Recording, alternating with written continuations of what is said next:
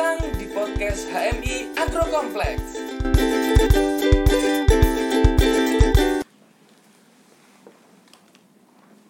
Asyhadu alla ilaha illallah asyhadu anna Muhammadan abduhu wa rasuluhu la nabiyya ba'da. Allahumma shalli ala Muhammad wa ala sayyidina Muhammad. Amma ba'du. Eh, pertama-tama puji syukur kehadirat Tuhan yang Maha Esa senantiasa kita haturkan atas limpahan rahmat, hidayah dan inayahnya sehingga kita bisa bertemu di kegiatan diskusi HMI Agro Kompleks dan HMI Cabang Bulak Sunu Sleman. Salawat teriring salam tidak suka kita sanjung agungan kepada Nabi Muhammad Sallallahu Alaihi Wasallam. Semoga kita mendapatkan syafaatnya di umur nanti.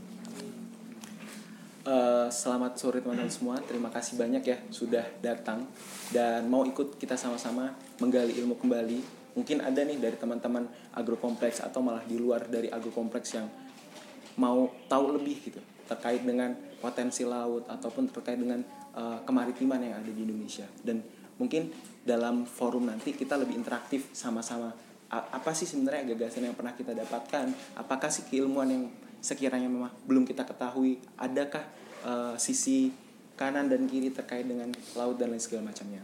Dan tema kali ini sebenarnya tema yang diangkat oleh rekan-rekan HMI Agro Kompleks dan HMI Cabang Bulak Sumur Sleman adalah potret laut Nusantara dulu kini dan nanti dan pada sore hari ini eh, syukur alhamdulillahnya kita mendapatkan kita bisa belajar bersama oleh beberapa pembicara. Yang pertama ada Mas Muhammad Ridwan Alimudin.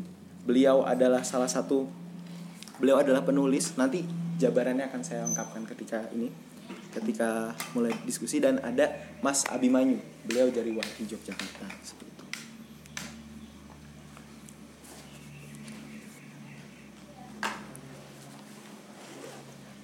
Sebelumnya izinkan saya memperkenalkan diri terlebih dahulu. Nama saya Muhammad Nur Said Fatullah dari mahasiswa peternakan eh, 2016 dan pada hari ini mendapatkan kesempatan untuk memandu kegiatan diskusi dengan pembicara-pembicara yang yang insya Allah bisa memberikan manfaat juga untuk pola pikir kita dan ke depannya kita. Nah, di sini saya sedikit memberikan itu ya, memberikan gambaran terkait pembicara kita pada sore hari ini. Itu ada Mas Rid- Mas Abimanyu. Beliau ini adalah wisudawan dari Fakultas Hukum UGM angkatan 2019 jadi masih fresh graduated teman-teman. Nanti kalau misalkan mau tahu lebih bisa langsung kontak ke Mas Abimanyunya. Beliau ini sekarang beliau sudah lama sebenarnya di Walhi. Beliau sebagai staff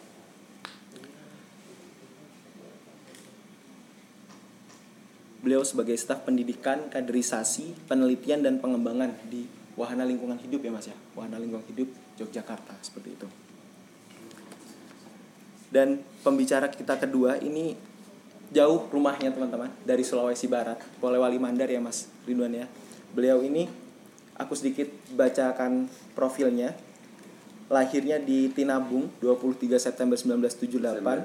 Dese- Des- Desember 2000 1978 Beliau ini pernah mengenyam pendidikan di Universitas Gajah Mada, Departemen Perikanan di Fakultas Pertanian UGM.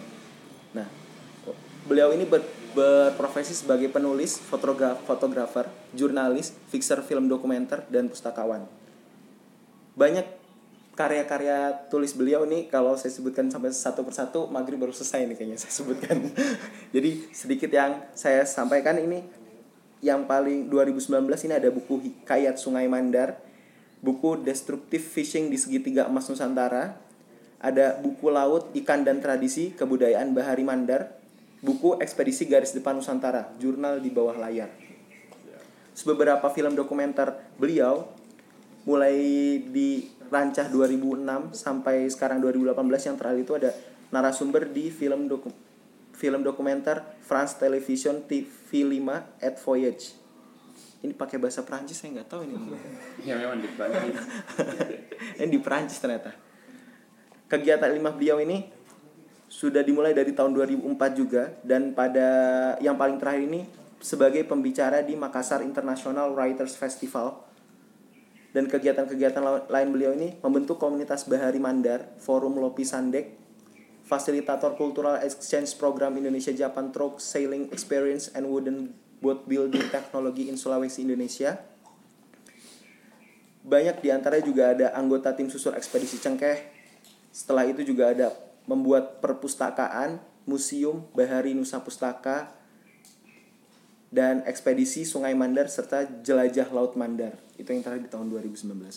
Beliau juga mendapatkan banyak penghargaan di antaranya sebagai penghargaan Perpustakaan Nasional Nugraha Jasa Dharma Pustaloka.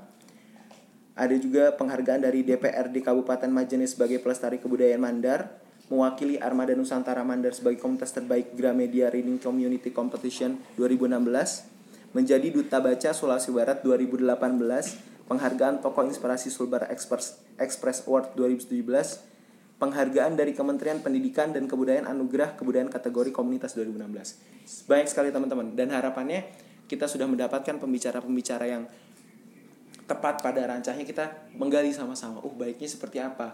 Oh, gagasan yang baru seperti apa? Mungkin ini bisa menjadi sebuah ilmu baru cara kita mengimplementasikan diri kita terhadap lingkup-lingkup ilmu yang bisa jadi di luar dari profesi ataupun bidang-bidang yang kita lalui bersama.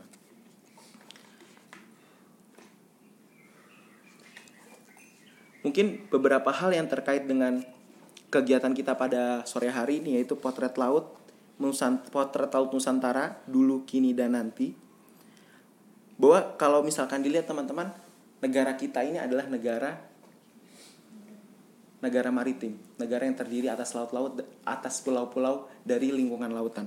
Nah, sedikit yang saya tahu bahwa kita itu memiliki garis pantai terpan pantai panjang kedua setelah Kanada, sekitar 99 km. Setelah itu juga saya mendapatkan data dari LIPI, itu saya dapatkan dari dari Kompasiana apa beberapa beberapa ini beberapa portal-portal web di di googling itu bahwa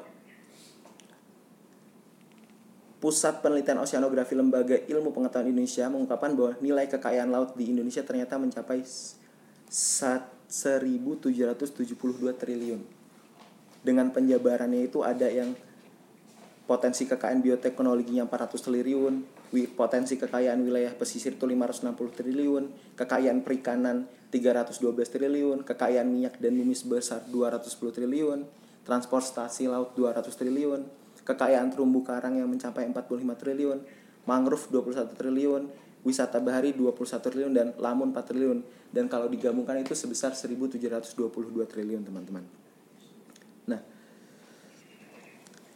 mungkin dari sisi ekonomi ada di situ, dari sisi sosial pesisir juga eh, kebudayaan atau malah ketika di tempat-tempat yang kental dengan budaya-budaya daerahnya itu juga memiliki interaksi sosial antar masyarakat. Setelah itu juga tidak lupa bahwa laut sebagai beberapa batas-batas negara, teman-teman. Bagaimana sih kemaritiman menjadi sebuah pertahanan dan sedikit mengutip dari Albert Mahan, seorang perwira tinggi Angkatan Laut Amerika Serikat dalam bukunya The Influence of Sea Power Human History mengemukakan teori bahwa sea power merupakan unsur terpenting bagi kemajuan dan kejayaan suatu negara. Yang mana jika kekuatan-kekuatan laut tersebut diberdayakan, maka akan meningkatkan kesejahteraan dan keamanan sebuah negara. Belum nanti juga ada mungkin pembahasan-pembahasan tentang geopolitik terkait dengan kemaritiman. Mungkin uh, banyak ya cakrawala yang ke depannya bisa kita gali bersama teman-teman mulai dari impact sosial dan ekonomi pemberdayaan mungkin dari dari nasional per kapita tentang penjualan ikan, hasil-hasil yang didapatkan seperti apa, pemberdayaan, konservasi, setelah itu juga mungkin dalam lingkup pesisir ada BUMDes, setelah itu juga potensi laut sebagai penokak, penopang protein hewani pangan. Seperti itu. Mungkin kita bisa sama-sama belajar dan uh, pada kesempatan kali ini yang akan memberikan istilahnya pemantik awal untuk kegiatan diskusi kita itu ada Mas Abimanyu dari staf penelitian kaderisasi pendidikan dan litbang Walhi kepada Mas Abimanyu saya persilakan. Terima kasih. Terima kasih waktunya. Assalamualaikum warahmatullahi wabarakatuh. Baik ya, kita uh, temanya kita kan terkait dengan kelautan ya. Uh, sebenarnya kalau masalah-masalah kelautan di Indonesia kan ada beberapa. Misalnya ada reklamasi yang mungkin sekarang sedang marak ya yang di Jakarta, di Bali. Kemudian juga ada di eh, pencemaran laut khususnya sampah. Kan udah ada banyak dengar tuh sampah. Berapa sih sampah kita yang masuk ke laut itu? Itu salah satunya kemudian yang ketiga ialah perusakan terumbu karang oleh kegiatan-kegiatan usaha. Jadi misalnya kalau misalnya kita sempat lihat di laut-laut itu kan kadang-kadang ada kapal-kapal besar yang eh, eh, jauh lebih besar dari bayangan kita dan tipenya itu masif ketika dia misalnya berlabuh di sana suatu laut kayak gitu kan dia pasti akan menurunkan jangkar jangkar itu yang bisa hasilnya dapat merusak ekosistem laut. Oke baik ke tadi yang bagian ke reklamasi tadi ya. Nah karena Indonesia kan saat ini baru masif-masifnya membangun infrastruktur ya. Iya. kayak misalnya jalan tol kemudian banyak investasi terkait dengan pembangunan-pembangunan lah khususnya. Kan banyak juga tuh di zaman sekarang ini nah yang menjadi persoalan ialah ketika pembangunan-pembangunan masif itu tidak disertai dengan pengelolaan lingkungan yang baik jatuhnya eh, pembangunan yang masif itu tidak diimbangi dengan eh, pengelolaan lingkungannya yang akhirnya dapat merusak eh, ekosistem-ekosistem khususnya laut ya.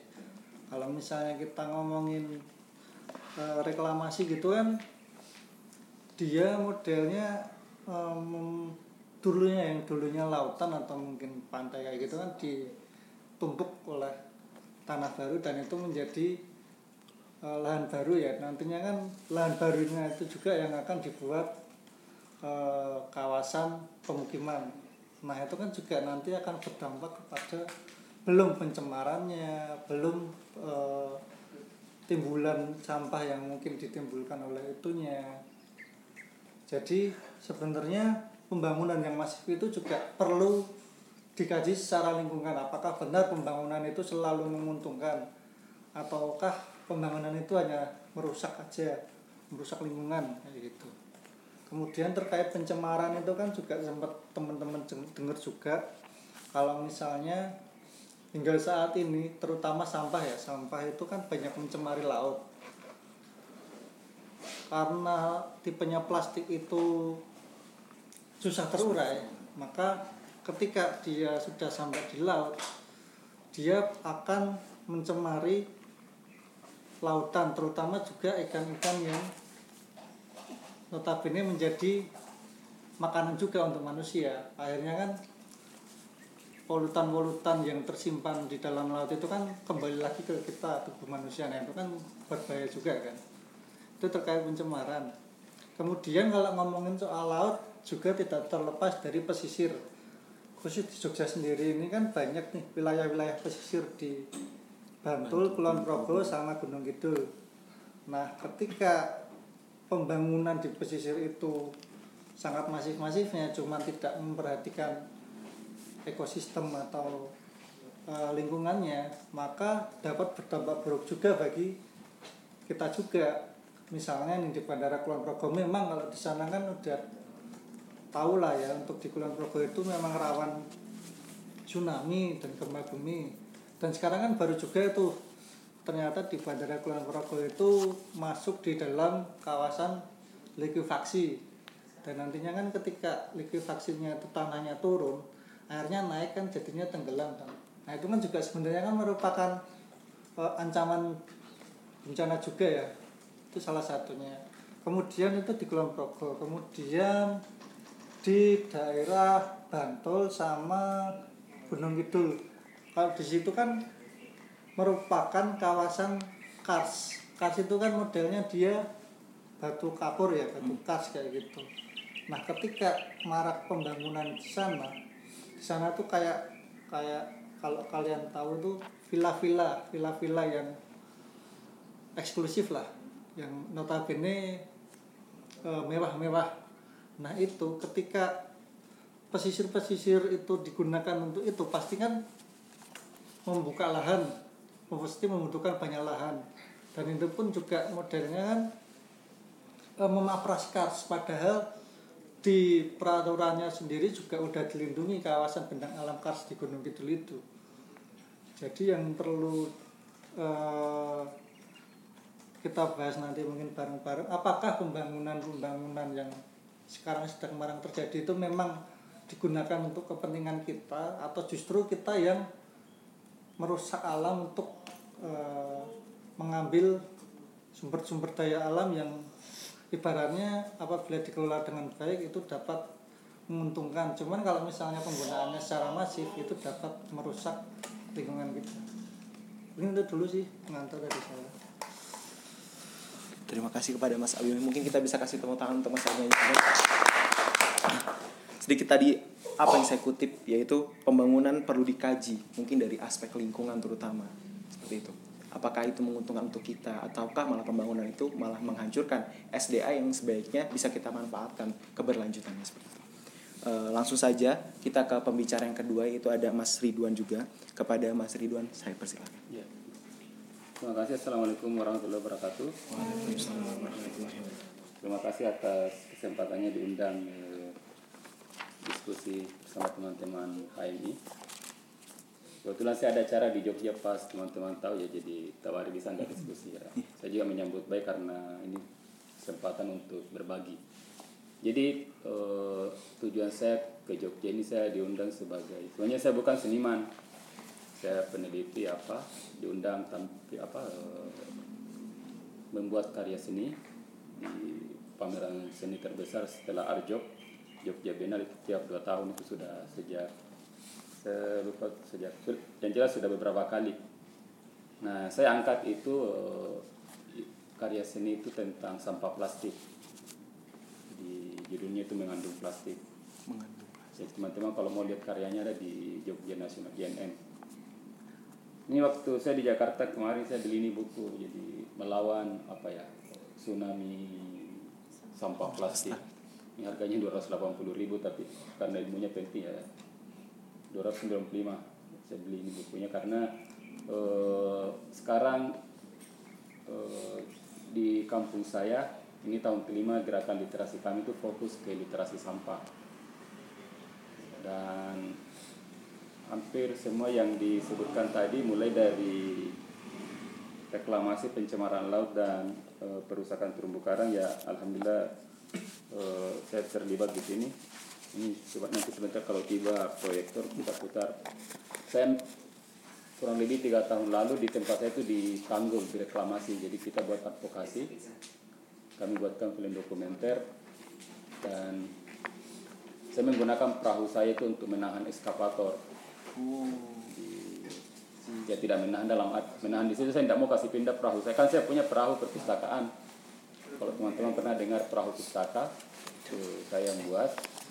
Eh, karena tadi ketika tanggul dibuat ya bayangkan saja ini tanggul ini pantai itu perahu jadi tidak bisa naik dan penyu juga tidak bisa naik bertelur. Itu karena tertahan. Jadi padahal ada teknologi lain misalnya pemecah ombak yang menggunakan prinsip seperti terumbu karang dia memecah energi jadi jangan pantainya ditutupi diganti dengan bangunan beton seperti ini padahal ada teknologi lain. Terus eh, yang apa namanya pencemar apa pencemaran laut? Ini yang jadi masalah pencemaran laut seperti ini kan sampah plastik. Kalau kita buang anu ini ujungnya itu di laut terbuang ke laut. Dan data yang saya baca di buku ini kalau tidak salah itu 80 juta ton per tahun itu sampah plastik terbuang ke laut. 80 juta ton dan itu butuh ratusan tahun untuk terurai. Eh, sebelum saya berangkat kan saya tinggalkan kampung ini tiga minggu lalu saya buat film dokumenter pendek nanti kita putar dia lima menit.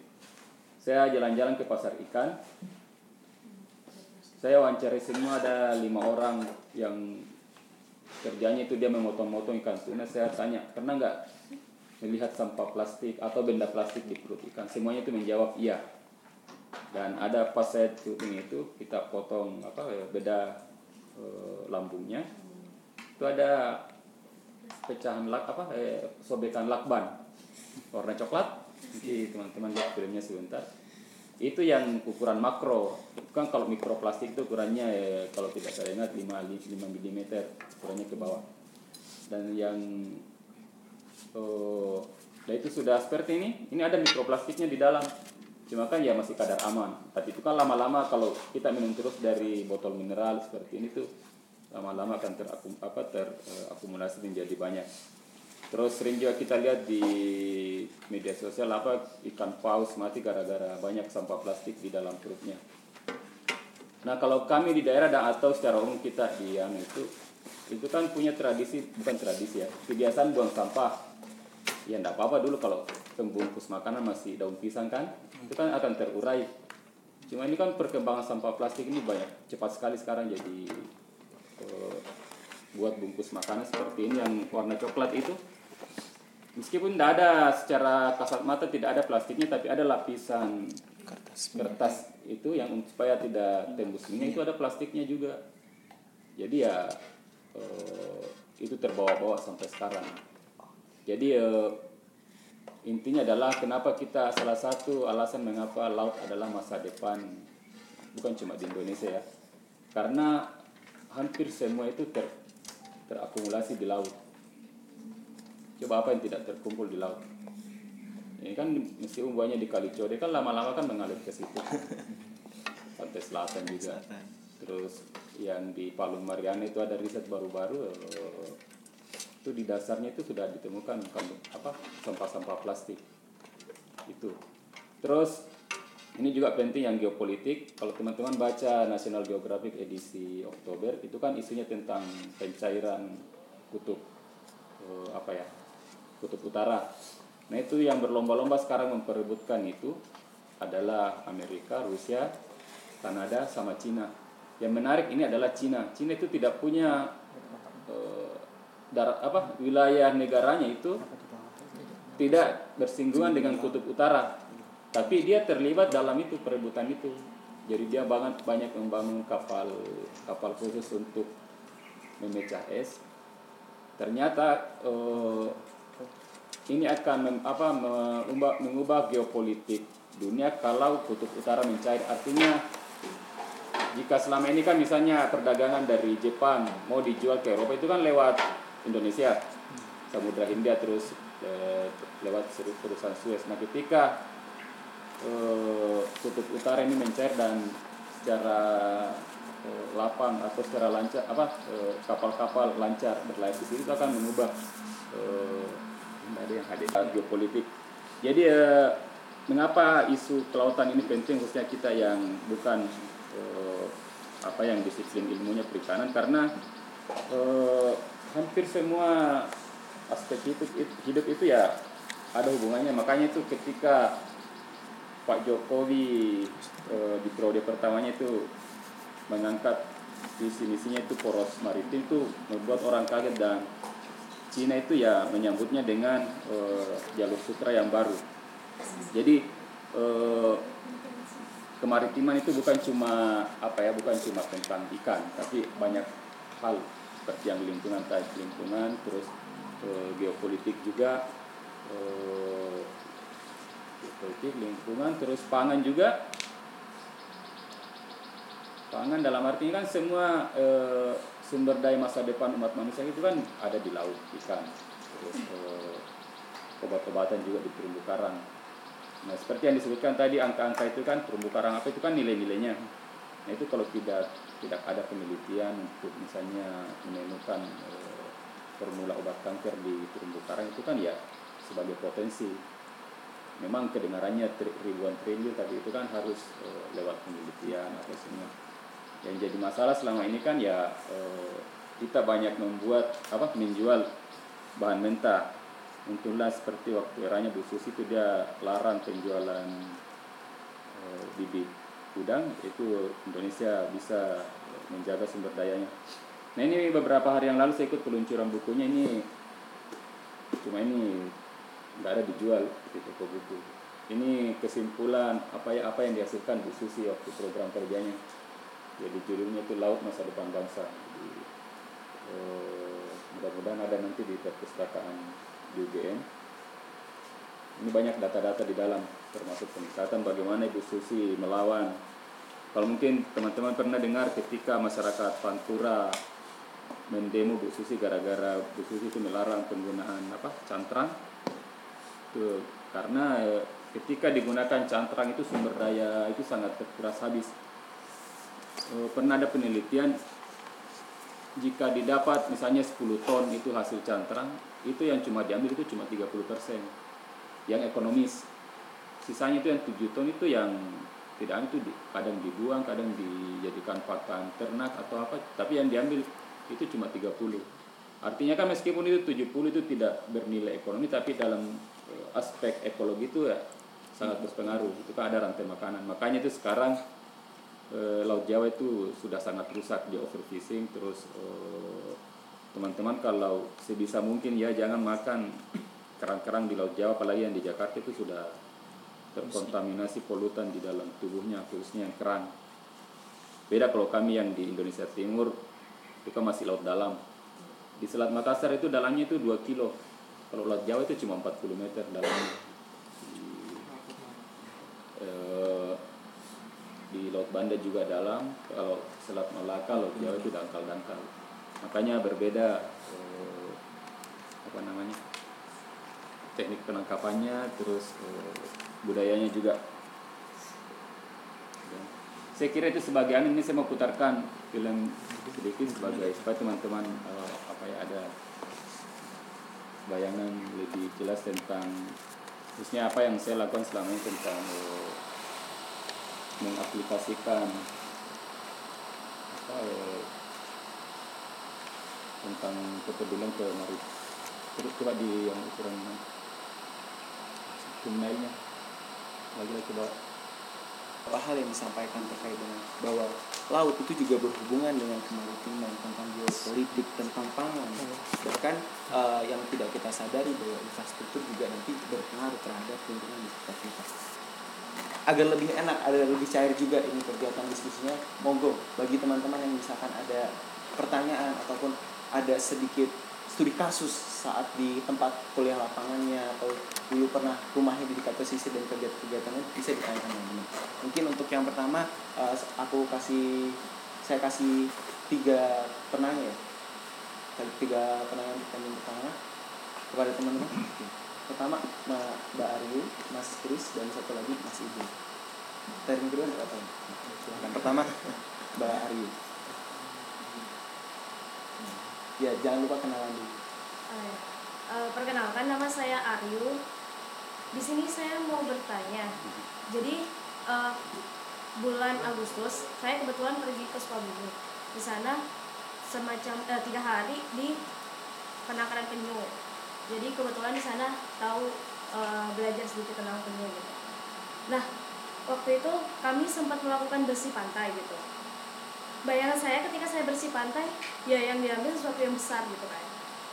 Nah pas pas saya jalan ke sana, ya awalnya memang besar, cuman kagetnya lagi ternyata tuh yang udah rapuh dan itu kecil-kecil tuh banyak banget. plastik Iya, dan itu kan paling gak bisa diambil.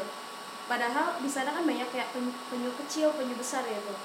Padahal menurut saya kalau plastik-plastik yang berpengaruh ke penyu biasanya yang ukurannya kecil. Nah di situ saya berpikir gimana sih caranya ngambil yang kecil-kecil itu yang kita tahu itu di pantai banyak banget dan itu sangat berpengaruh besar terhadap kehidupan penyu gitu. Terus yang kedua eh, yang saya ketahui itu bahwa penyu itu kan bakal bertelur di mana dia pernah ditetaskan. Nah, otomatis ketika dulu di tempat yang tadi dibangun tanggul itu dulu banyak yang bertelur di situ, otomatis kan banyak yang akan datang. Nah, ketika tempatnya nggak ada, terus ngapa? Terus penyu itu gimana keadaannya? Iya. Gitu. mungkin enaknya mau langsung ditujukan ke mana nih dari Ke siapa aja? ke siapa aja enaknya di tamu dulu atau langsung Iya, saya langsung jawab. langsung Biasanya jawab lupa. Iya, jadi ini di mana saya lihat ya ada ber- beberapa eh beberapa waktu lalu ditemukan tukik mati di beda itu banyak keping-keping plastik di dalam. Yang besar juga begitu karena ubur-ubur yang dewasa kan dia salah satu makanannya kan adalah sorry penyu dewasa kan salah satu makanannya itu adalah ubur-ubur. Nah plastik di laut itu mirip sekali dengan ubur-ubur. Jadi biasa kita teman-teman itu kan kita punya komunitas eh, pemerhati penyu. Biasa kalau ditemukan bangkai penyu itu kita minta untuk melakukan pembedahan apa ya paling tidak. Eh, meskipun kita tidak tahu persis apa penyebabnya kalau di lambungnya ditemukan plastik itu kan salah satu bukti kuat seperti tadi kan yang ikan. Jadi itu. Dan ini yang paling berbahaya mikroplastik itu karena yang kecil-kecil itu yang tidak kelihatan itu bisa sampai ke tubuh ke darah kita. Teman-teman bisa cari di YouTube judul filmnya itu sam, apa pulau plastik yang dibuat teman-teman di Bali. Ada riset dia kerjasama dengan kalau tidak salah Undip ya di Semarang. Diambil uh, sampel dari uh, pencernaan ikan bandeng. Itu hampir semua itu ada mikroplastik di dalam. Kalau secara kasat mata tidak kelihatan tapi kalau pakai mikroskop itu kelihatan. Nah itu yang uh, salah satu apa ya uh, jenis ikan yang terbukti ada plastik.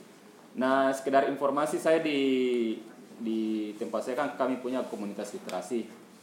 Lima tahun terakhir ini kami fokusnya ke lapak baca. Nah sekarang itu fokus ke sampah. Jadi tiga minggu lalu itu uh, saya buat festival literasi sampah. Dan program kami itu khusus sampah sekarang karena uh, seperti ini kan sampah plastik.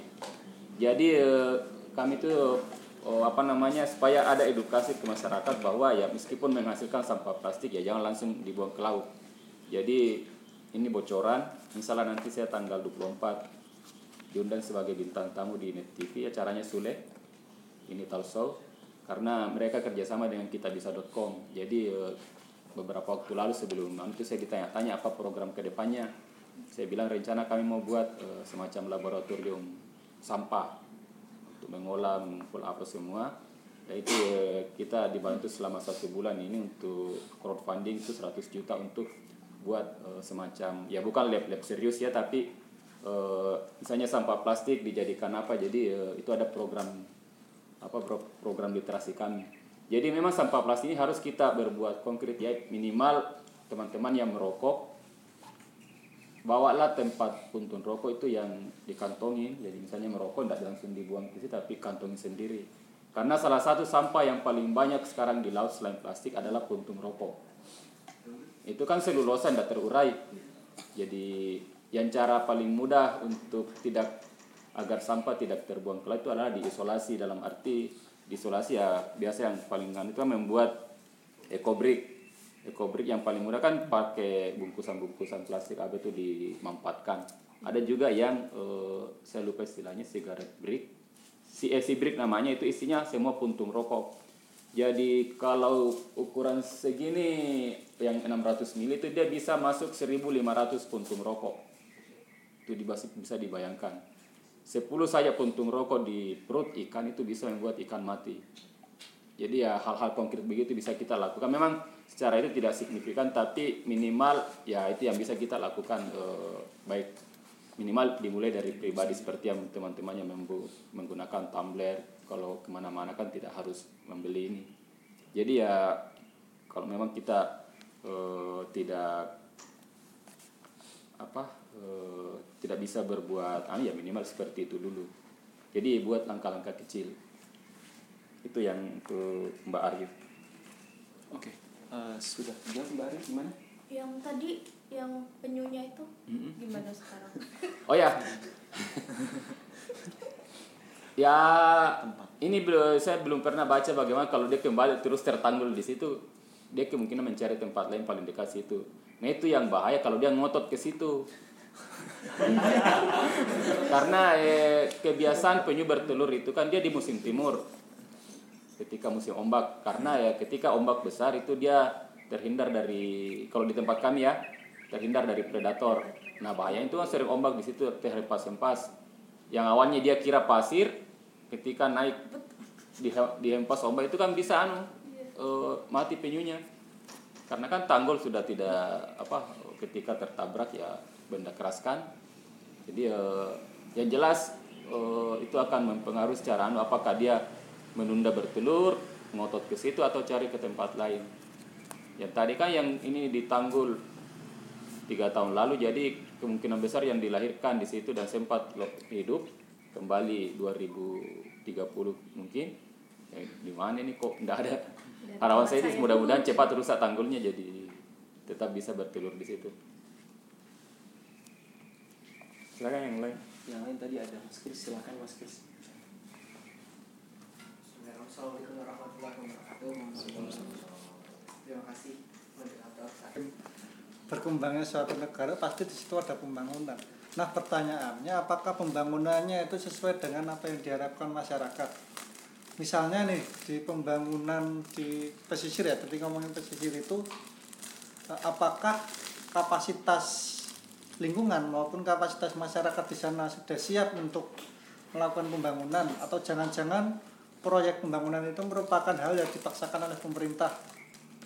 Jadi kalau misalnya nih eh, pantai itu dia nggak mampu untuk dibangun villa yang besar, tapi oleh pemerintah diberikan hak kepada katakanlah investor lah untuk membangun di sana. Sedangkan di sana itu belum siap untuk eh, menerima pembangunan yang secara masif itu. Nanti misalnya sampahnya bagaimana itu terkait sampah terus terkait dengan instalasi pengolahan limbahnya bagaimana itu kan pengaruh juga kan ketika pembangunan itu eh, notabene itu dipaksakan atau tidak sesuai dengan kapasitas eh, terkhusus kapasitas lingkungannya ya. Itu pembangunannya itu di eh, secara nyata pasti akan merusak karena orang itu nggak sanggup nahan itu kok dipaksakan kayak gitu. Padahal kan kita tahu ya kalau misalnya dalam sebuah proyek pembangunan kan ada AMDAL atau setidaknya UKLUPL nah kita bisa memonitor pembangunan-pembangunan secara masif itu lewat AMDAL maupun UKLUPL itu merupakan salah satu sarana kita untuk mengawal ini pembangunannya ini benar atau enggak ataukah ini ngawur atau enggak. Nah itu salah satunya cara kita untuk eh, melawan pembangunan yang secara eksploitatif tadi ya. Kemudian kalau ngomongin eh, pemberdayaan masyarakat kan di sana kan di pesisir-pesisir Gunung Kidul khususnya itu kan juga ada masyarakat-masyarakat yang notabene tinggal di situ ya. Kalau misalnya di situ dibangun villa yang mewah pasti kan dalam hal ekonomi saja kan pasti masyarakat juga belum siap untuk mengelola itu. Karena pasti yang mengelola kan pasti investor lah dari kota atau mungkin dia sudah punya suatu perusahaan yang besar lah.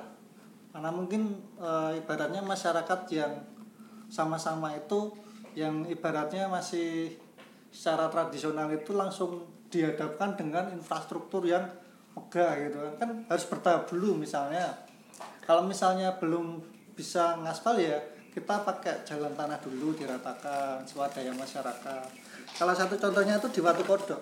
Watu Kodok itu ketika dia belum siap untuk membangun jalan dari jalan utama ke pantai ya dia jangan bangun dulu. Eh, untuk